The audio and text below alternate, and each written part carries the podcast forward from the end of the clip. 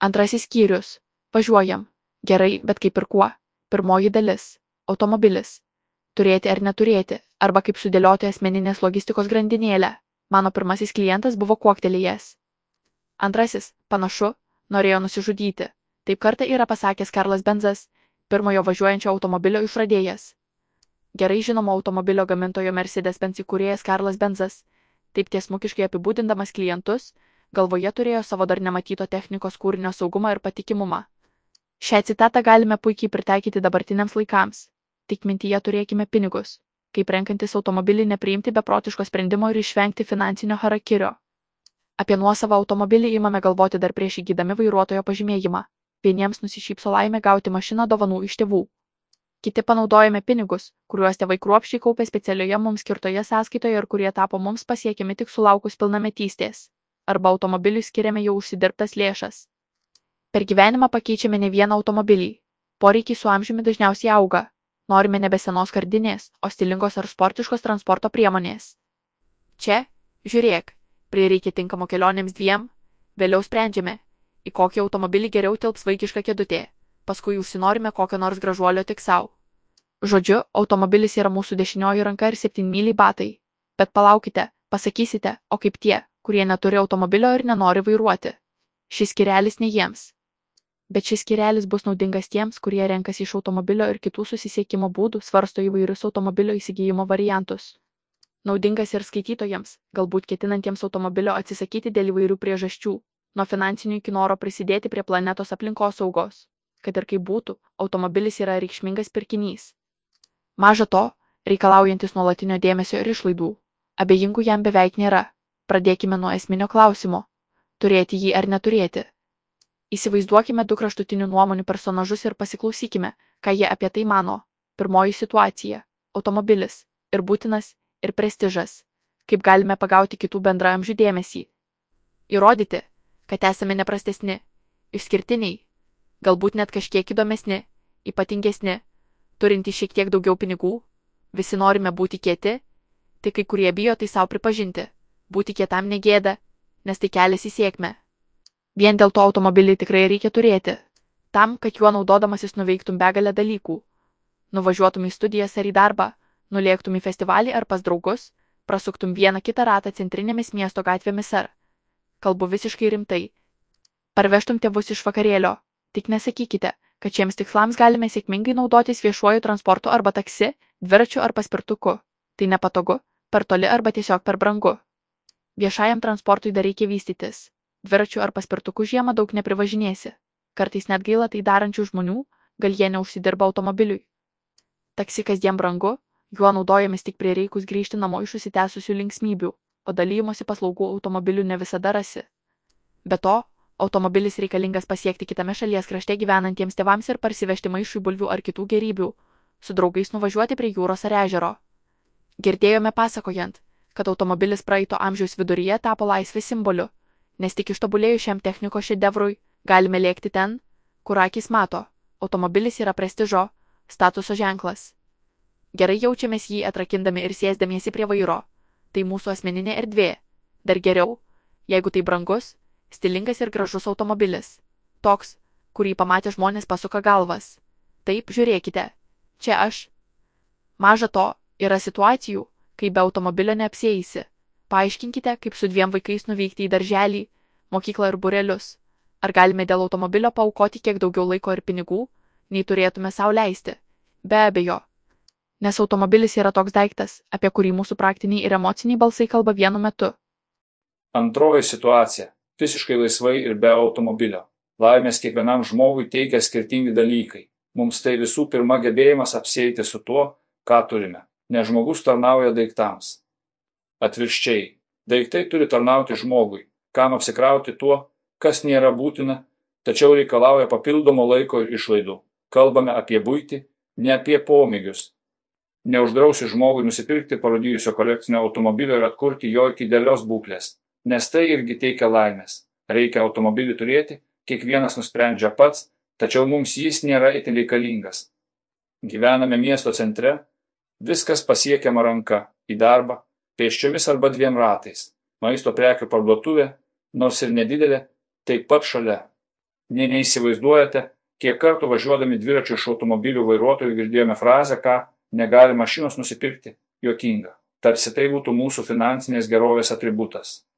Mums gerovė yra gyventi protingai ir atsakingai. Neturime automobilio, nes jo tiesiog nereikia.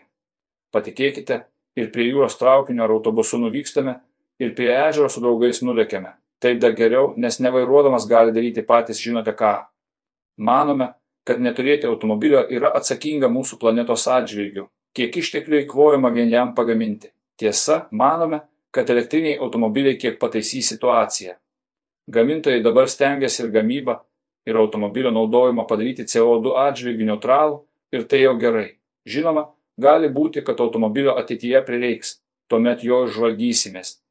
Būtinai elektrinio ar hybridinio, o svarbiausia - praktiško. Mintys išsinešti. Atrodytų, kad automobilio įsigijimas turėtų būti kuo racionalesnis. Tačiau ne visada taip elgiamės. Pabandykime išsiaiškinti, kas idealiu atveju turėtų lemti sprendimą pirkti automobilį. Tai trys susipinę dėmenys - mūsų poreikiai, požiūris į automobilį ir finansinės galimybės. Poreikis turėti automobilį arba jo neturėti dažniausiai būna gana aiškus. Tarkime, nuomojamės būtą senamiestyje, dirbame iš namų, tėvai gyvena tame pačiame mieste, yra automobilius turinčių draugų, su kuriais leidžiame laisvalaikį. Nereikia. Gyvenant poroje atsiranda daugiau poreikių, tačiau visiems poreikiams gali pakakti ir vieno automobilio. O štai jeigu gyvename užmestyje, keliolika kilometrų nuo darbovietės ir vaikų ūkdymo įstaigų, be automobilio neišsiversime. Na, nebent netolimoje ateityje atsirastų įtim patogus viešojo transporto tinklas. Tačiau dažnai atsidurėme vadinamojoje pilkojoje zonoje. Kaip ir reikia automobilio, jį turime. Bet, žiūrėk, Kelias dienas sėkmingai praleidžiame be jo, o tuomet nuvažiuojame į parduotuvę už kelių kilometrų. Tokiu atveju padarykime eksperimentą, kiek ilgai galėtume išsiversti be automobilio. Jeigu tai prabėgs mėno, gal išties jo nereikia. Arba neturime automobilio, lyg jau ir norėtume įsigyti, bet sėkmingai naudojamės kitomis susisiekimo priemonėmis. Kaip suprasti, ar įsigytas automobilis padės kasdienėme gyvenime, pavyzdžiui, sutaupys laiko, kurį galėtume skirti uždirbti daugiau ar turiningai praleisti kaip laisvalaikį. Tai priklauso nuo požiūrio į automobilį ir finansinių galimybių. Iš ties nėra sudėtinga įsigyti transporto priemonę už kelis tūkstančius eurų. Tokiu atveju reikia turėti finansinį rezervą, nes tikriausiai teks nemažai investuoti papildomai, taip pat pasiruošti skirti daugiau laiko mašinos priežiūrai. Jeigu dar neturime pajamų, tai gali būti rizikinga. O jeigu stengiamės gyventi tvariai, atsakingai, toks sprendimas irgi nelips prie širdies. Pirmąjį automobilį patariama įsigyti tik užsitikrinus nuolatinės pajamas. Kokį pasirinkti priklauso nuo mūsų. Jeigu transporto priemoniai teikiame didesnį reikšmę, neturime finansinių įsipareigojimų, galime įsigyti tokią, kuriai skirtume ir reikšmingą pajamų dalį. Tačiau automobilio vertė neturėtų viršyti trečdalio visų pajamų per penkerius metus. Tarkime, uždirbdami 1000 eurų per mėnesį automobiliui galėtume skirti 20 tūkstančių eurų. Atminkime, kad asmeninis automobilis nėra investicija. Jo vertė, jeigu tai ne kolekcinis automobilis, nuolat krinta, be to, jis reikalauja papildomų išlaidų. Jeigu kyla klausimas, ką geriau įsigyti pirmiau - būstą ar automobilį, racionalumo svarstyklės krypsta būsto naudai. Vien dėl to, kad būsto vertė ilgainiui auga. Dar viena įdomi detalė. Skandinavijos, vakarų Europos šalyse darosi nebemadinga šeimoje turėti du automobilius, ypač jei jie galingi ir taršus. Tai laikoma tiesiog prasto tono ženklu. Automobilis gali būti ir gera investicija, jei mūsų gyvenamojoje vietoje trūksta darbo, o svarbi pramonės ir ekonominė zona yra gana toli. Tuomet jis tampa vienintelė galimybė pasiekti gerai apmokamą darbo vietą. Arba jeigu asmeninį automobilį naudojame vykdydami savo verslą, ką konkrečiai daryti? Prisiminkime, kad asmeninis automobilis nėra investicija, dažniausiai tai išlaidos. Kadangi tai didelis pirkinys, atidžiau vertinkime savo finansinės galimybės, apskaičiuokime asmeninį biudžetą Finansiniai įsipareigojimai neturėtų viršyti 40 procentų gaunamų pajamų. Gyvendami mieste, išnaudokime visas galimybės naudotis kitomis susisiekimo priemonėmis - automobilis ir tvarumas. Svarbiausi dalykai. Nuo 2035 metų ES nebebus parduodami automobiliai su vidaus degimo varikliais. ES miestuose daugėja nulinių CO2 zonų, į kurias leidžiama įvažiuoti tik elektravaromomis transporto priemonėmis.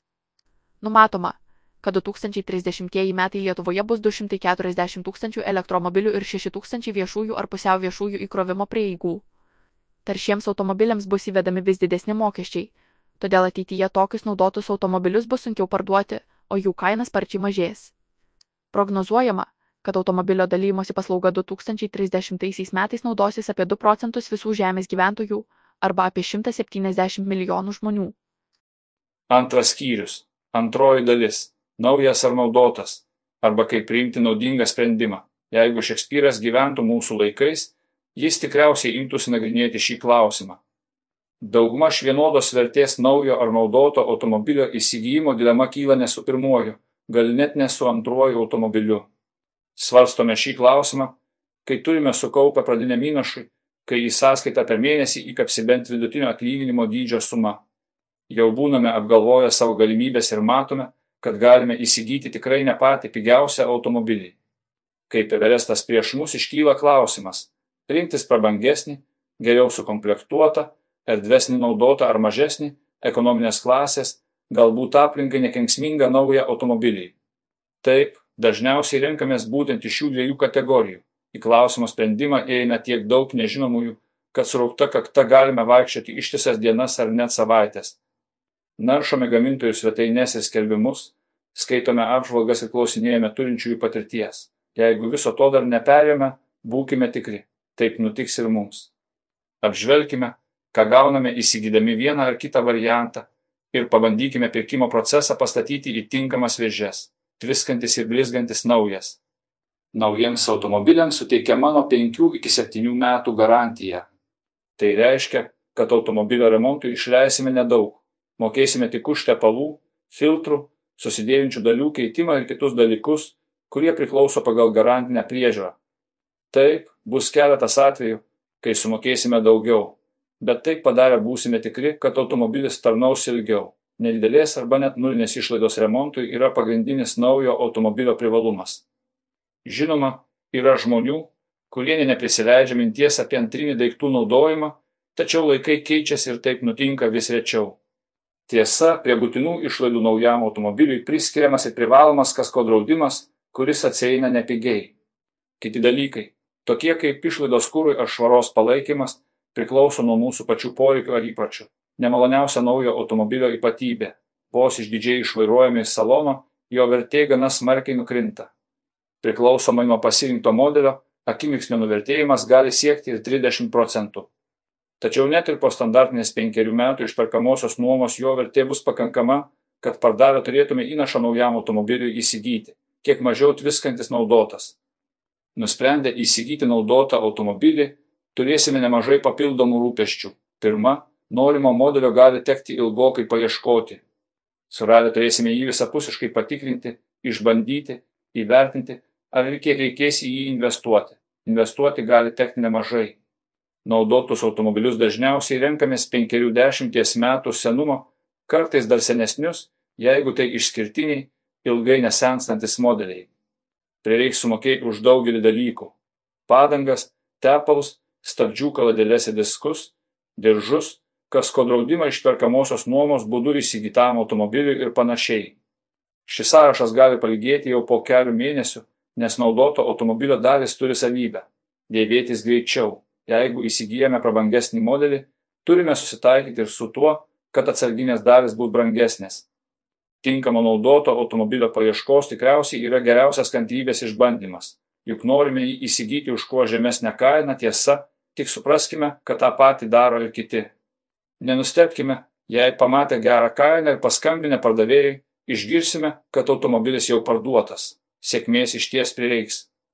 Mintys išsinešti, skaičiuoti, paimti rašiklį arba atsiverti Excel skaičiuoklę ir skaičiuoti.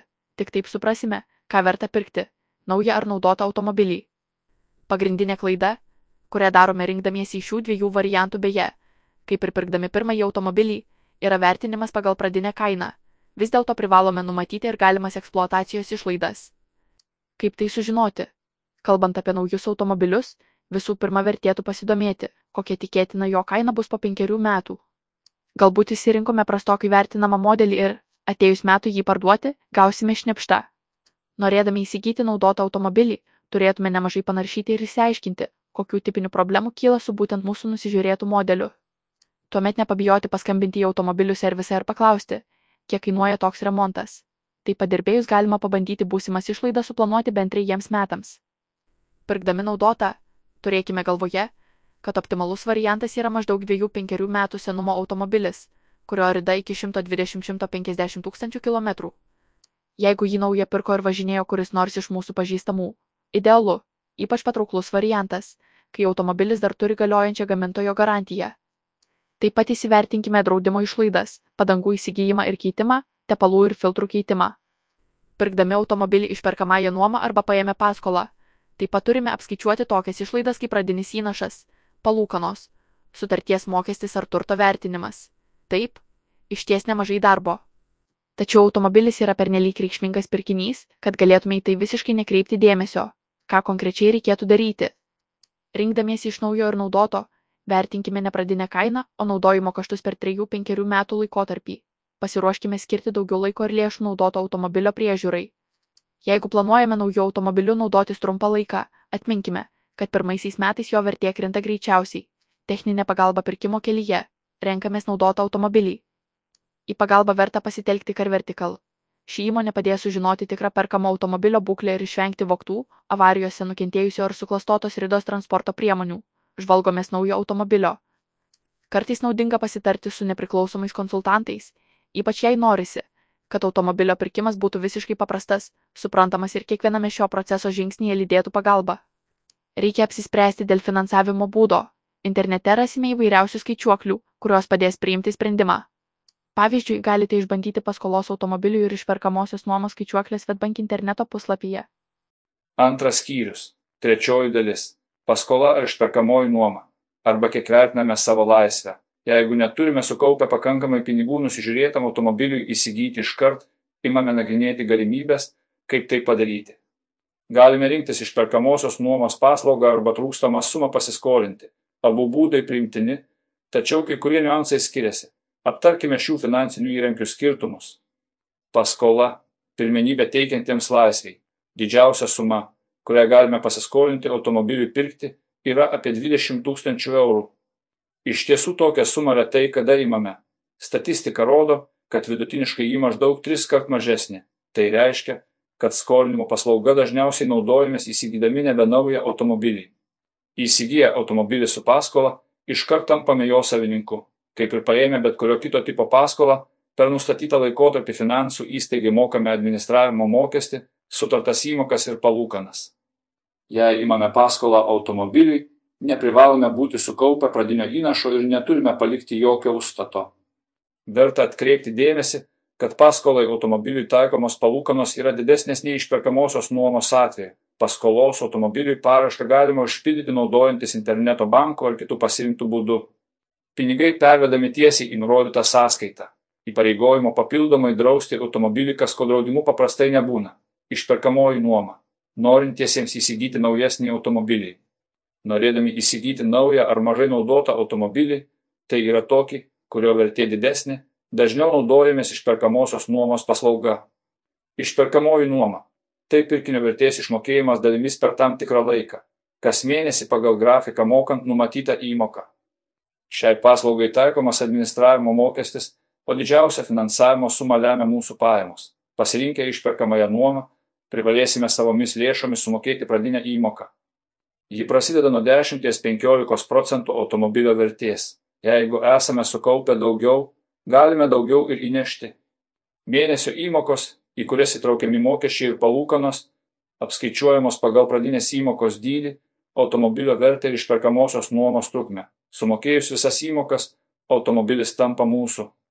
Galime pasinaudoti ir išperkamąją nuomą su likutinė transporto priemonės verte. Ši vertė sutariama su finansų įstaiga ir priklauso nuo konkretaus automobilio modelio, jo įrangos ir sutarties laikotarpio. Paprastai likutinė vertė būna 20-40 procentų pradinės automobilio kainos. Toks būdas leidžia pirkėjui per išperkamosios nuomos laikotarpį išmokėti ne visą automobilio vertę, o dalį jos. Tai galime palyginti su nuomos mokesčiu už naudojimąsi automobiliu. Pasibaigus tokiai sutarčiai, turime kelis pasirinkimus. Vienas - sumokėti likutinę vertę ir tapti automobilio savininku. Tuomet galime juo naudotis toliau arba parduoti ir taip įgyti pradinį įnašą kitam automobiliui. Kitas pasirinkimas - kai kada sutartise būna numatyta atpirkimo galimybė. Dar galime pratesti išperkamąją nuomą naujam laikotarpiui, tačiau tuo naudojamės rečiausiai.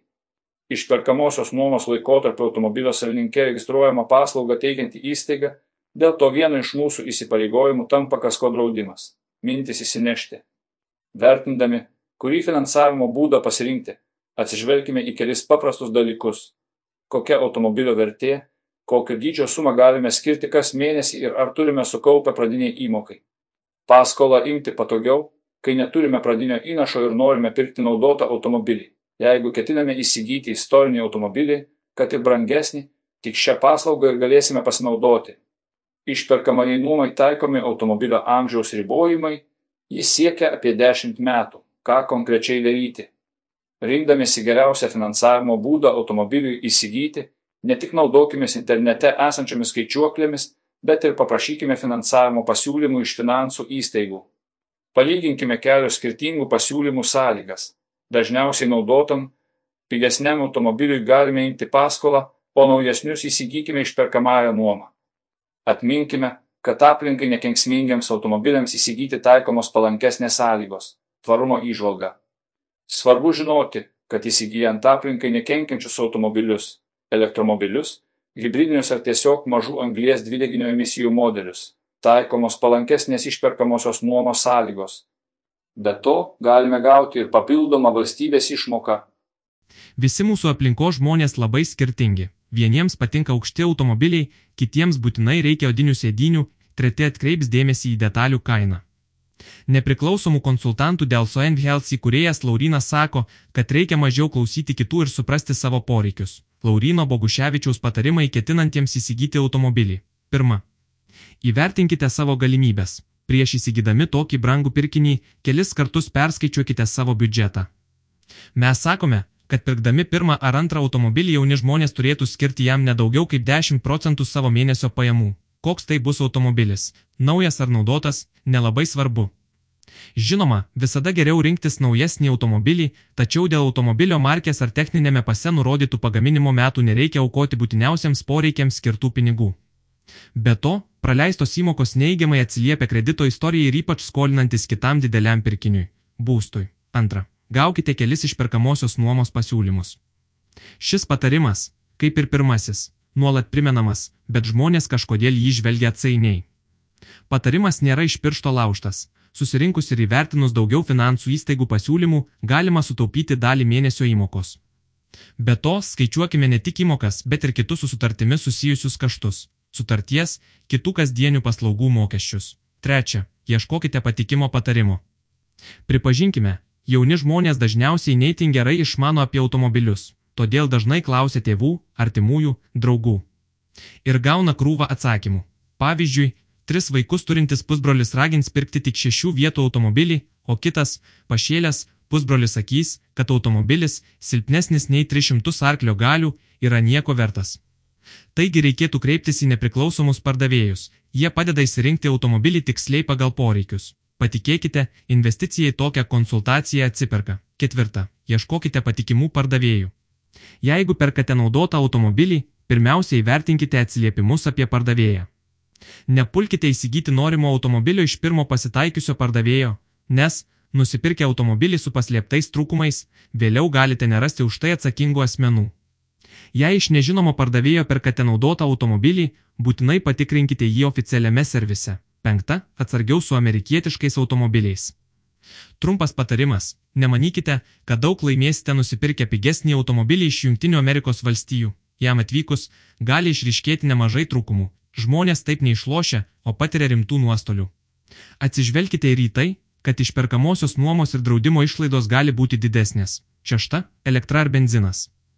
Bendros elektromobilio naudojimo sąnaudos bus mažesnės nei automobilio su vidaus degimo varikliu tik tada, jeigu turite galimybę įkrauti jį namie arba nemokamai darbe. Viešojo įkrovimo stotelių energijos kaina yra aukšta, todėl ekonominė prasmė gali dinkti, naudokitės jomis tik esant būtinybei.